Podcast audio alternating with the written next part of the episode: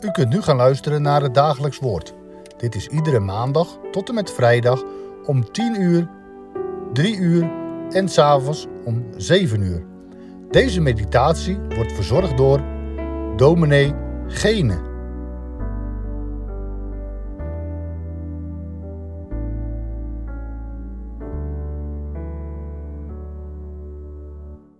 Luisteraars naar het dagelijks woord. We luisteren verder naar wat de schrift ons zegt over de belofte.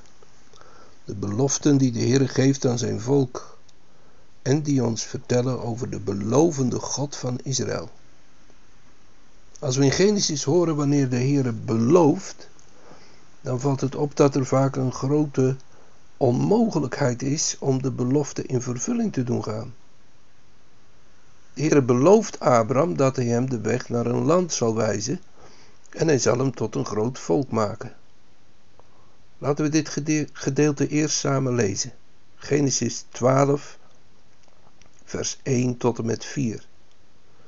De Heere nu had tot Abraham gezegd: Ga gij uit uw land en uit uw maagschap en uit uw vaders huis naar het land dat ik u wijzen zal.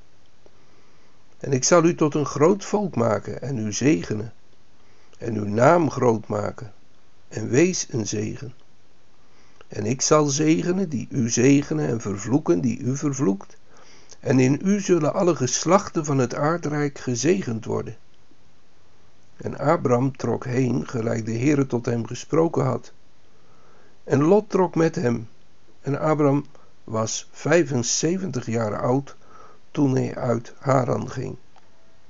Tot zover dit gedeelte. We weten niet precies wanneer de Heer deze belofte aan Abraham heeft gegeven. We lezen namelijk in Genesis 11 dat Terach, de vader van Abraham, met zijn hele gezin vanuit Ur der naar Haran trekt. Het kan dus zijn dat de Heer toen al tot Abraham had gesproken en dat die belofte van God de hele clan van Terach, de maagschap, de clan, had doen besluiten op weg te gaan. Maar in dat gedeelte komen we de onmogelijkheid van Gods belofte tegen. Daar staat immers nadrukkelijk vermeld dat de vrouw van Abraham, Sarai, onvruchtbaar was. Zij had geen kind. Dus de belofte van God aan Abraham kon niet in vervulling gaan. Hij kon geen nageslacht krijgen met Sarai. En u kent u de hele geschiedenis van Abraham in grote lijnen hoe het met hem gegaan is. Hoe Abraham uitvluchten zocht om aan de greep van de farao in Egypte te ontkomen als er hongersnood heerst. En hij daar naartoe naar Egypte vertrokken is.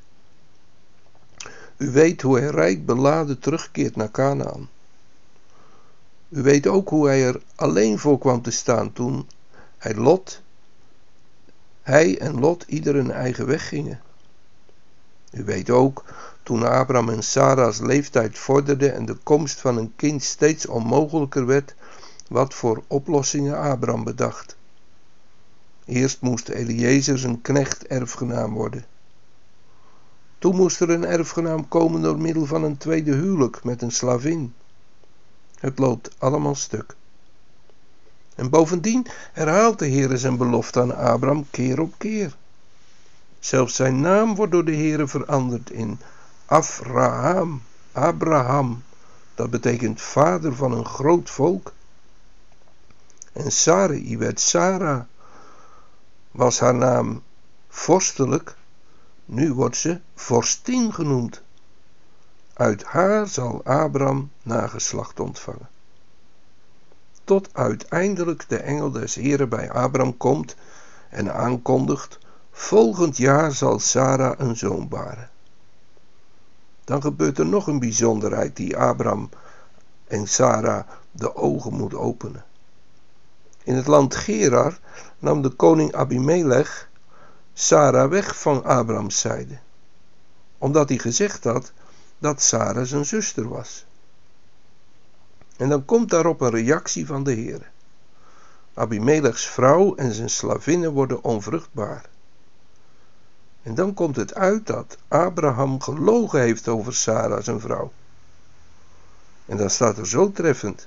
En Abraham bad tot God En God genas Abimelech, zijn vrouw en zijn slavinnen, totdat ze weer kinderen konden krijgen. En dan vertelt de Bijbelschrijver dat Abraham bijna 100 jaar was en Sarah 90 en Isaac werd geboren. Hun beider zoon. In het Nieuwe Testament lezen we een geschiedenis die daar veel overeenkomst mee heeft.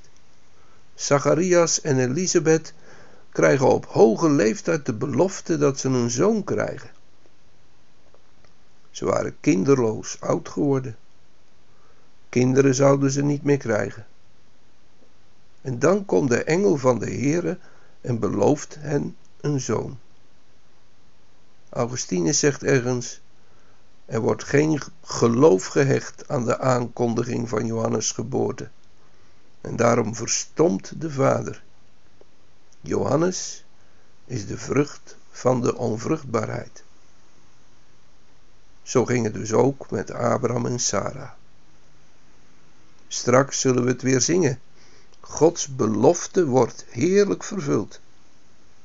En ook Zacharias heeft ervan gezongen. Nu blijkt zijn onverwrikbare trouw.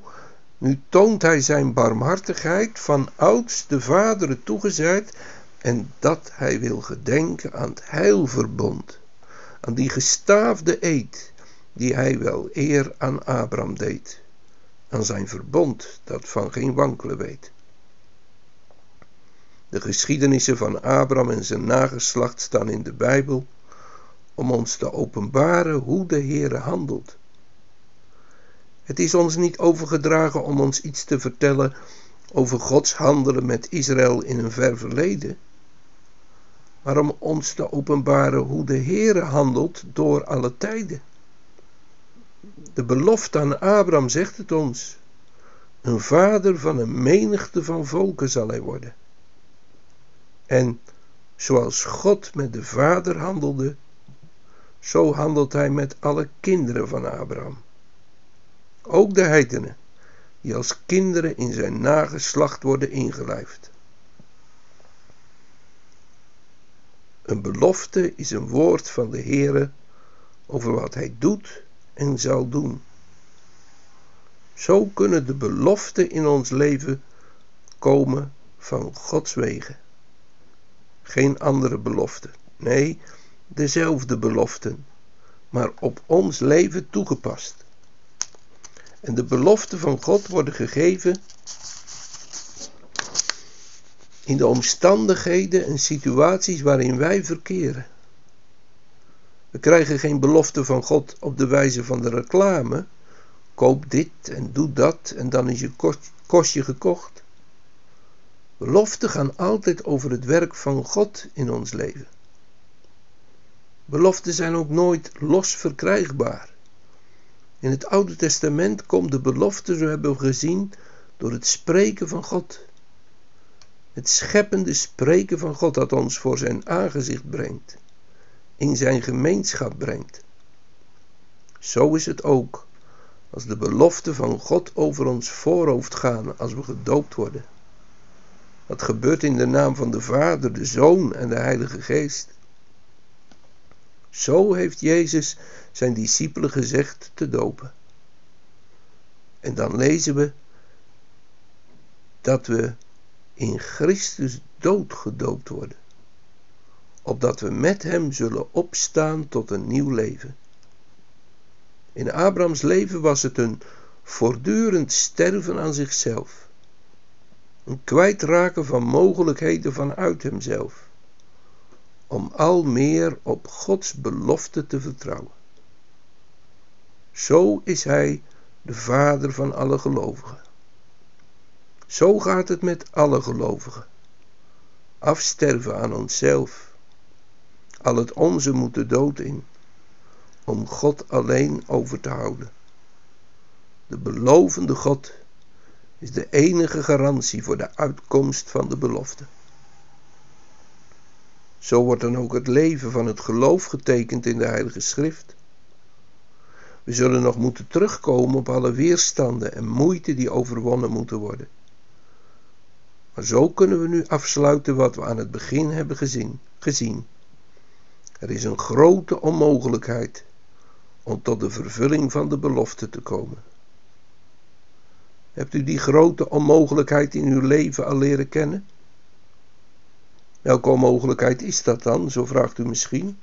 Wel, wat was het in de geschiedenis van Abraham? We kunnen misschien beter zeggen, wie was de onmogelijkheid? En dan luidt het antwoord Abraham zelf. Hij stond Gods belofte in de weg, doordat hij meende dat het anders moest. En is het, luisteraar, met ons niet even zo? Zijn we het niet zelf die de Heere in de weg staan om in ons leven zijn belofte tot kracht te brengen? De Jezus zegt ergens, ik heb u bijeen willen vergaderen als een hen haar kuikens, maar jullie hebben niet gewild. En als dat nu uw moeite en verdriet is, dan mag u met dankbaarheid lezen in de geschiedenis van Abraham, dat de Heere daar nu raad mee weet. Hij doorbreekt alle barrières door zijn machtig spreken. Hij is getrouw aan wat hij beloofd heeft. Ja, dat kost ons de kop, maar brengt ons het leven. Mag ik nog met u bidden? Trouwe Heere, wij danken u voor het wonder van uw genade. Dat is de kracht die altijd doorzet in deze wereld. Dat is de kracht die altijd overwint. Wij kunnen dat niet bekijken, heren. En we beleiden u dat we het zo vaak niet geloven. Daarom bidden we u, schenk ons geloof. Schenk ons een oprecht hart. Leer ons naar uw wil te handelen, opdat we in uw wegen wandelen. Neig ons hart en voeg het samen tot de vrees van uw naam. Trek zo met ons op, heren, ook weer door deze dag, met uw woord dichtbij. We danken u ervoor, om Jezus wil uit genade. Amen. Ik wens u een gezegende dag.